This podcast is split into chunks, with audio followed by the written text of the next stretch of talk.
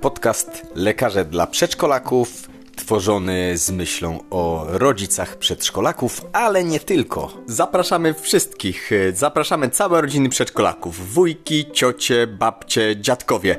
Będzie dużo praktycznej wiedzy do posłuchania. Ale także braci i siostry przedszkolaków, którzy już wyrośli z okresu przedszkolnego. Dowiecie się także, jak podróż dookoła świata zmieniła nasze życie, a także niespodzianka dla wszystkich przedszkolaków. Będziemy czytać dla Was bajki. Kochane przedszkolaczki, nadchodzimy i wiemy, że przedszkolaki ratują świat.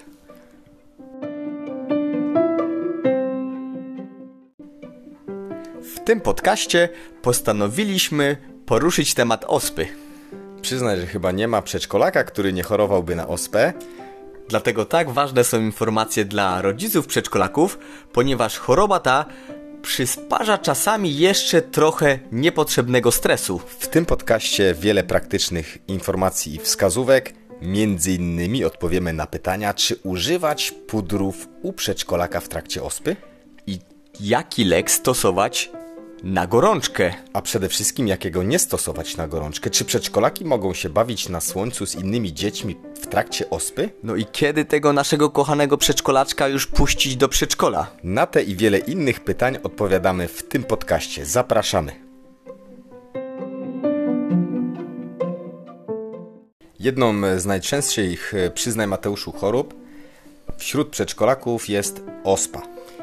Ospa rzeczywiście jest jedną z najczęstszych chorób, ale powiem Ci, że yy, teraz jest okres szczególnego zachorowania, przynajmniej w tym miejscu, gdzie pracuję, czyli w Przemęcie, widzę zdecydowanie zwiększoną ilość zachorowania na ospę. A teraz to mamy 2020 rok, bo nagrywamy podcasta w styczniu.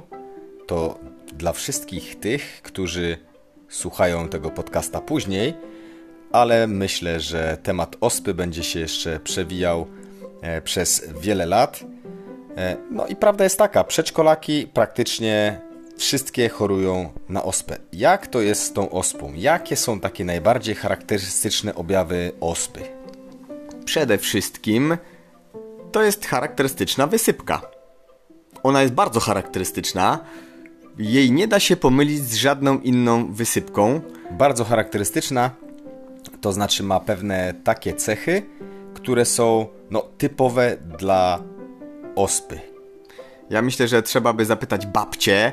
Babcie nie będą miały żadnych problemów z rozpoznaniem ospy. Jeżeli macie wątpliwości, zapytajcie babci. Babcia wam powie, o to jest ospa. A ta charakterystyczność polega na tym, że najpierw pojawia się grudka, czyli taka kropka czerwona, delikatnie zgru delikatne zgrubienie na ciele Kolejnym etapem wysypki jest pęcherzyk wypełniony surowiczym płynem. Czyli taki no, pęcherzyk, czyli taka błonka, przez którą uwypuklona, przez którą widać, że coś tam w środku jest, że jest taki po prostu płyn. On wygląda no taki żółty bardziej. Żółty tak, czasami czasami jest mętny, więc y, często z, ja, ja, spotykam się z takim wyrażeniem jak y, wypełnione treścią ropną, ale to nie jest treść ropna. Tak ona może wyglądać, ale to jest treść surowicza, po prostu mętna, ponieważ to jest kolejny etap, kiedy ten pęcherzyk już taki jest zmętniały, on pęka i tworzy się strupek. I to są trzy fazy, trzy rodzaje yy, wysypek. I rodzice szykują przedszkolaka do spania, rozbierają przedszkolaka do kąpieli i nagle się okazuje, że przedszkolak ma na swoim ciele mnóstwo jakichś takich dziwnych czerwonych plamek, a najczęściej wcześniej był jakiś taki marudny, już od dwóch dni gorzej je, nie chce się bawić, e, w nocy czasami no, nie śpi tak dobrze jak do tej pory. No i na co zwracamy uwagę? Już wiemy, że są plamki, już wiemy, że są grudki, Wiemy, że są pęcherzyki, ale to nie jest jeden pęcherzyk. Tych pęcherzyków jest nawet tysiące. A powiem Ci, że spotkałem się z tak różnym przebiegiem ospy, że myślę, że nie można wrzucić do jednego wora yy, tej choroby. Więc spotkałem się z dzieciaczkami, z przedszkolaczkami, które posiadały, no dosłownie, słuchaj, dwa, trzy pęcherzyki, yy, co nie jest łatwe rozpoznać ospę przy dwóch, trzech pęcherzykach, bo najczęściej jest ich więcej, ale są też takie biedne dzieci, przedszkolaki, które mają ich rzeczywiście tysiące. Także przebieg choroby różni się zdecydowanie, ale najczęściej tych pęcherzyków jest no powyżej, powyżej kilkudziesięciu. Kolejna taka charakterystyczna cecha ospy jest to, że te zmiany skórne są, tak to się mówi, na różnym etapie, nazwijmy to rozwoju. To znaczy, na przykład sprawdzacie sobie skórę na nogach przedszkolaka, tam są same grudki, czyli takie czerwone, uwypuklone grudki, ale patrzycie już na twarz, bo charakterystyczne też dla ospy jest to, że występuje ona na twarzy i na owłosionej skórze głowy. To jest bardzo charakterystyczne dla ospy i na nogach mamy grudki, a na twarzy pęcherzyki, czyli są w różnych stadiach te zmiany skórne. Tak, dodatkowo charakterystyczne jest jeszcze to, że często znajdziecie zmiany w jamie ustnej. I to najczęściej najbardziej wkurza dzieciaczka, bo to są problemy z jedzeniem, to boli, piecze, no i trudno czymkolwiek posmarować, także jama ustna i skóra głowy owłosionej to takie charakterystyczne miejsca, które znajdziecie przy ospie wiecznej zajęte przez wysypkę. No i teraz przedszkolaczek szykuje się do kąpieli i rodzic zauważa, kiedyś ospa była bardzo popularną chorobą, właśnie tak jak mówisz, rozpoznawały to babcie, rozpoznawali to nasi rodzice. No teraz e, wiedza ta jest może mniej popularna, a, a, a wręcz, wręcz e, raczej jest tak, że jest bardziej po prostu zagmatwana i wielu rodziców jednak gubi się w natłoku mhm. tej wiedzy i spróbujmy to wyjaśnić i wytłumaczyć jakie jest najbardziej logiczne postępowanie. Tak. Załóżmy, że ok, kąpiesz tego przedszkolaczka... Ale ja jeszcze wtrącę coś do tego, co powiedziałeś. Mhm. Wiesz, bo ja mam taką teorię, dlaczego wiesz, kiedyś przecież chorowaliśmy też na ospę, prawda? I rzeczywiście mhm. nasi rodzice rozpoznawali tą ospę, od razu zaczęli, zaczęli te zmiany smarować, no wtedy pudrami, co teraz się od tego odchodzi. Ja pamiętam, mhm. e, że byliśmy wysmarowani pudrem na zmianę z takim piochtaninką, pamiętasz? Taki, tak. Takie było fioletowe, które później ciężko schodził płyn. Tak, ale y, chcę, chcę powiedzieć to, że taka była generalnie procedura. Jeżeli dziecko y, miało te pierwsze wysypki, rodzice rozpoznawali ospę bez wątpliwości i wdrażali od razu odpowiednie leczenie. Y, dzisiaj, znaczy teoria moja jest taka, że to po prostu dlatego, że mm, tych informacji na temat ospy jest dużo, czy w mediach, czy w internecie spotykają się, y, widzicie te informacje, ale niestety, niestety często są to informacje, które biednych rodziców straszą. Jakbyście już nie mieli tych stresów dość. Jest dużo informacji na temat ospy straszących, więc nie mamy jak sobie z nią radzić, podając leki przeciwgorączkowe. Ale uwaga, uwaga, ważna informacja podczas ospy nie stosujcie nurofenu, czy ibuprofenu, konkretnie to jest cząsteczka ibuprofen, tylko sięgnijcie po paracetamol, ponieważ okazało się, że po prostu paracetamol jest najlepszym wyborem, gdyż daje najmniej powikłań. Nurofen daje więcej powikłań, więc sięgnijcie po paracetamol. Rodzice przedszkolaków dokładnie wiedzą, jak radzić sobie z gorączką, wiedzą, jakie są procedury, no bo przedszkolaki w wieku 3, 4, 5 lat już pewnie kilkanaście razy chorowały na infekcje górnych dróg oddechowych, a tutaj podstawą, podstawą działania jest właśnie lek przeciwgorączkowy. Zapamiętajcie tylko, że ten Nurofen, a poza tym spokojnie, tak jak do tej pory, możecie stosować leki przeciwgorączkowe. Co ważnego w trakcie ospy, zresztą dzieci Wam powiedzą, co ważnego swędzi swędzi i to czasami bardzo swędzi i spróbujmy zminimalizować swędzenie, ponieważ a ważne jest, żeby ograniczyć ten świąt, ponieważ najczęstszym powikłaniem ospy są powikłania skórne, które zdarzają się od 2 do 4% według różnych źródeł, ale to są najczęstsze powikłania ospy, dlatego za wszelką cenę rozmawiajmy z przedszkolaczkami. Rozdrapanie takiej grudki czy takiego pęcherzyka zawsze grozi gdzieś tam nadkażeniem bakteryjnym, a wtedy niestety trzeba włączyć leczenie przeciwbakteryjne. Powikłania skórne, jak mówisz, to są najczęściej właśnie powikłania takie nadkażenia, czyli robią się mie w miejsca, w których no, dochodzi do zakażenia bakteryjnego i tworzy się miejscowo ropa, czyli widać tą mhm. ropę, która pojawia się w miejscu zadrapania. Świąt u dzieciaczka leczy się miejscowo najczęściej i to jest w przeważającej części skuteczne leczenie. Środków jest mnóstwo mhm. w żelu, który można nakładać na zmiany i działa naprawdę skutecznie, aczkolwiek nie reklamujemy tego konkretnego środka, jest ich wiele. Najlepiej jak każdy z rodziców wypróbuje u swojego dziecka, a jednym z takich najbardziej popularnych i skutecznych jest taki może obrazowo powiemy, to jest Fenistil 1 i sprawdzi co u niego działa. Tak, ale od razu mówimy, nie da się zatrzymać tego odruchu, czyli swędzenie to jest dosyć silny odruch, więc nie zlikwidujemy go żadnym z dostępnych środków. Warto też, żeby zadbać o higienę skóry, czyli regularne kąpiele, to co kiedyś zresztą... Właśnie jak to? Kiedyś zabraniano kąpać, dzieciaki brudne hmm. chodziły po domu i po podwórku, a teraz nagle taka zmiana. No tak, ale kiedyś wsadzano dzieci do pieca, żeby wyzdrowiały, więc wiesz, to wszystko się na szczęście zmienia. To prawda, czyli jednak medycyna ewoluuje, zresztą widać to po długości życia ludzi na Ziemi. Wcale nie jest tak, że ludzie żyją krócej, tylko dłużej, ale wróćmy do tych kąpieli, czyli spokojnie nawet należy dziecko kąpać. Skazane, zdecydowanie zalecane. Zalecane może, może troszkę krótsze, krócej niż zazwyczaj, żeby te zmiany nie rozmiękły, ale kąpiel regularnie po to, żeby tych bakterii e e pozbyć się, no zmniejsza to ryzyko nadkażenia. Pamiętam, e, takie to było rok temu e, w wiosce w przychodni, gdzie pracuję.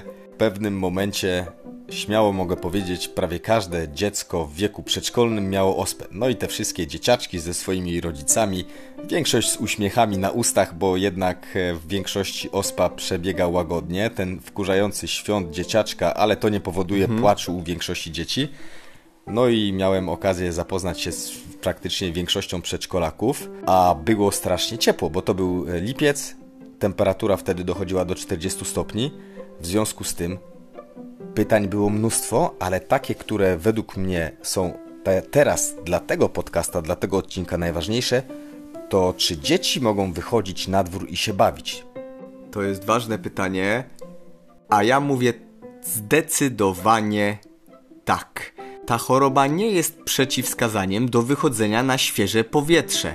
Przeciwwskazaniem jest do kontaktowania się z innymi yy, ludźmi, ponieważ jest to jedna z najbardziej zaraźnych chorób, zresztą nie przypadkiem, nazywa się ospą wietrzną.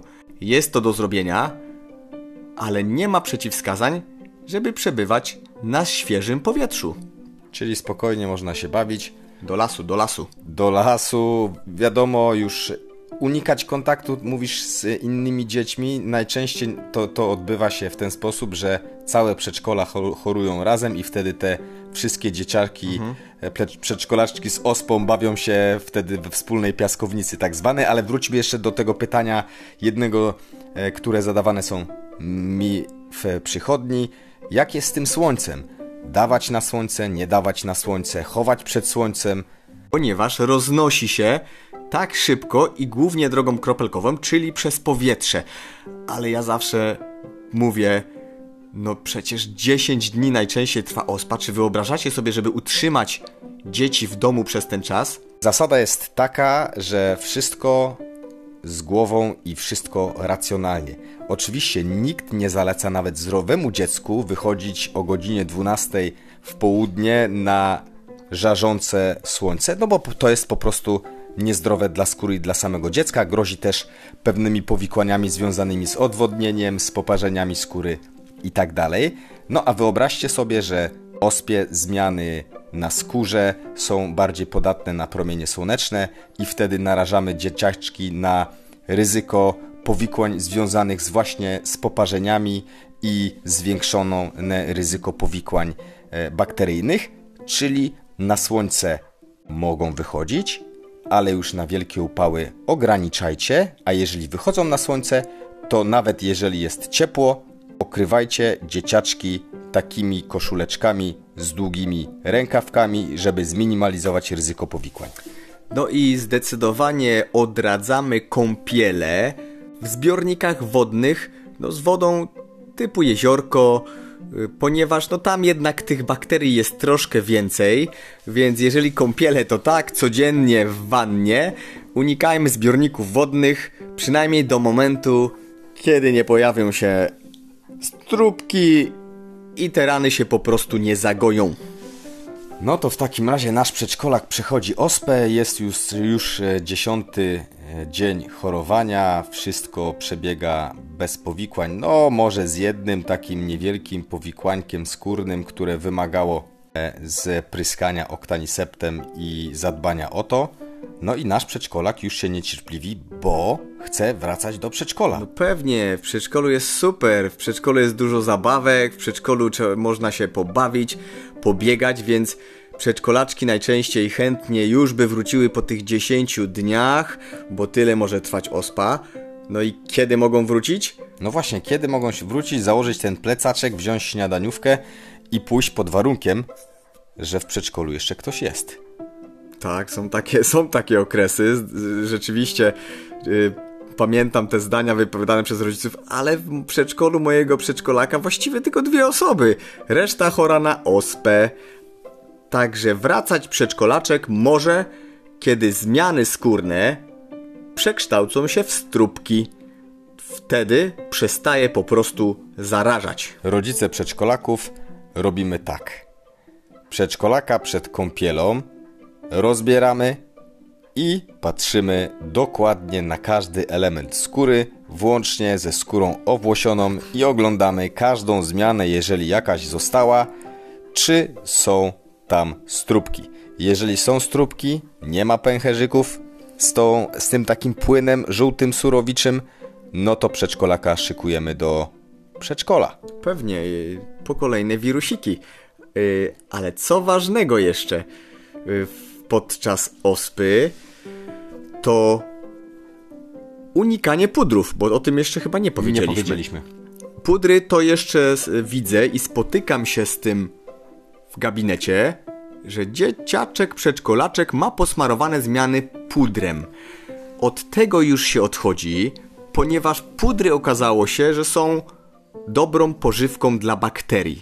Unikajcie pudrów, mimo że nazwane są pudrami przeciwświądowymi, to unikajcie ich, stosujcie płyny, najczęściej Octenisept lub inne preparaty, które zawierają jak najmniej dodatków, które mogą ewentualnie być jedzonkiem dla bakterii. Ważnym tematem i pytaniem poruszan poruszanym przez rodziców przedszkolaków są szczepienia. Jeszcze nie tak dawno nie było mowy o szczepieniach przeciwko oszpie, a na pewno nie były tak popularne i tak można powiedzieć, szeroko dyskutowane między rodzicami. Tak, to temat jest poruszany i ważny.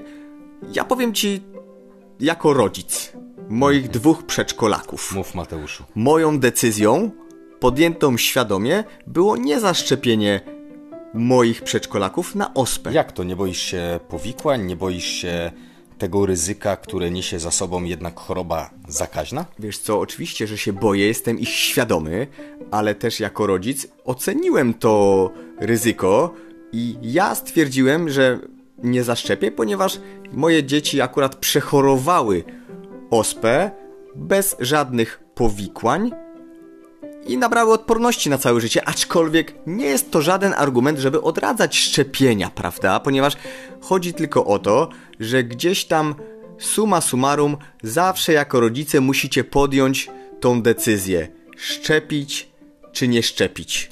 Czyli generalnie szczepisz swoje przedszkolaki, ale tutaj masz pełne prawo, żeby zdecydować, ponieważ szczepionka na ospę jest szczepionką taką, która nie jest obowiązkowa. Tak, odnośnie szczepień obowiązkowych nie dyskutujemy.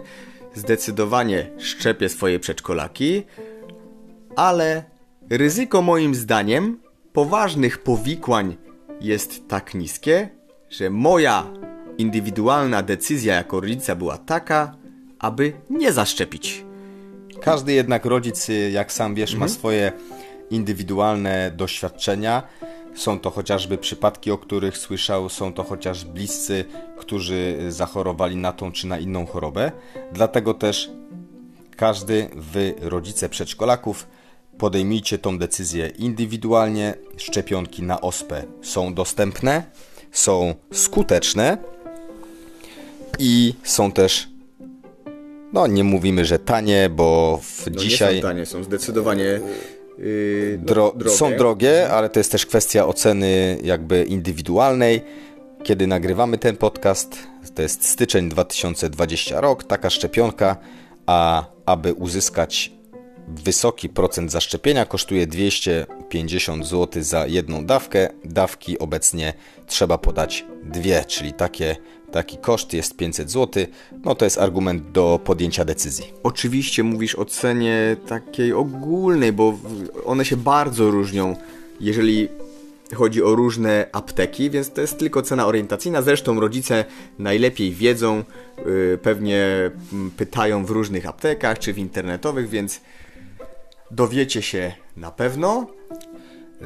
Za, za chwileczkę będziemy kończyć, ale są też gminy, które refundują szczepienia w przedszkolach. Jeżeli rodzice chcą zaszczepić swoje dziecko, możecie się dowiedzieć e, w gminie, czy dana gmina planuje na ten lub następny rok refundować szczepienia na ospę. Myślę, że najważniejsze informacje, które przydadzą się Wam, zostały poruszone. Jeżeli potrzebujecie dowiedzieć się więcej na temat ospy, Zapraszamy na naszą stronę na Instagramie Lekarze dla przedszkolaków. Do usłyszenia w następnym podcaście. słyszymy się niebawem.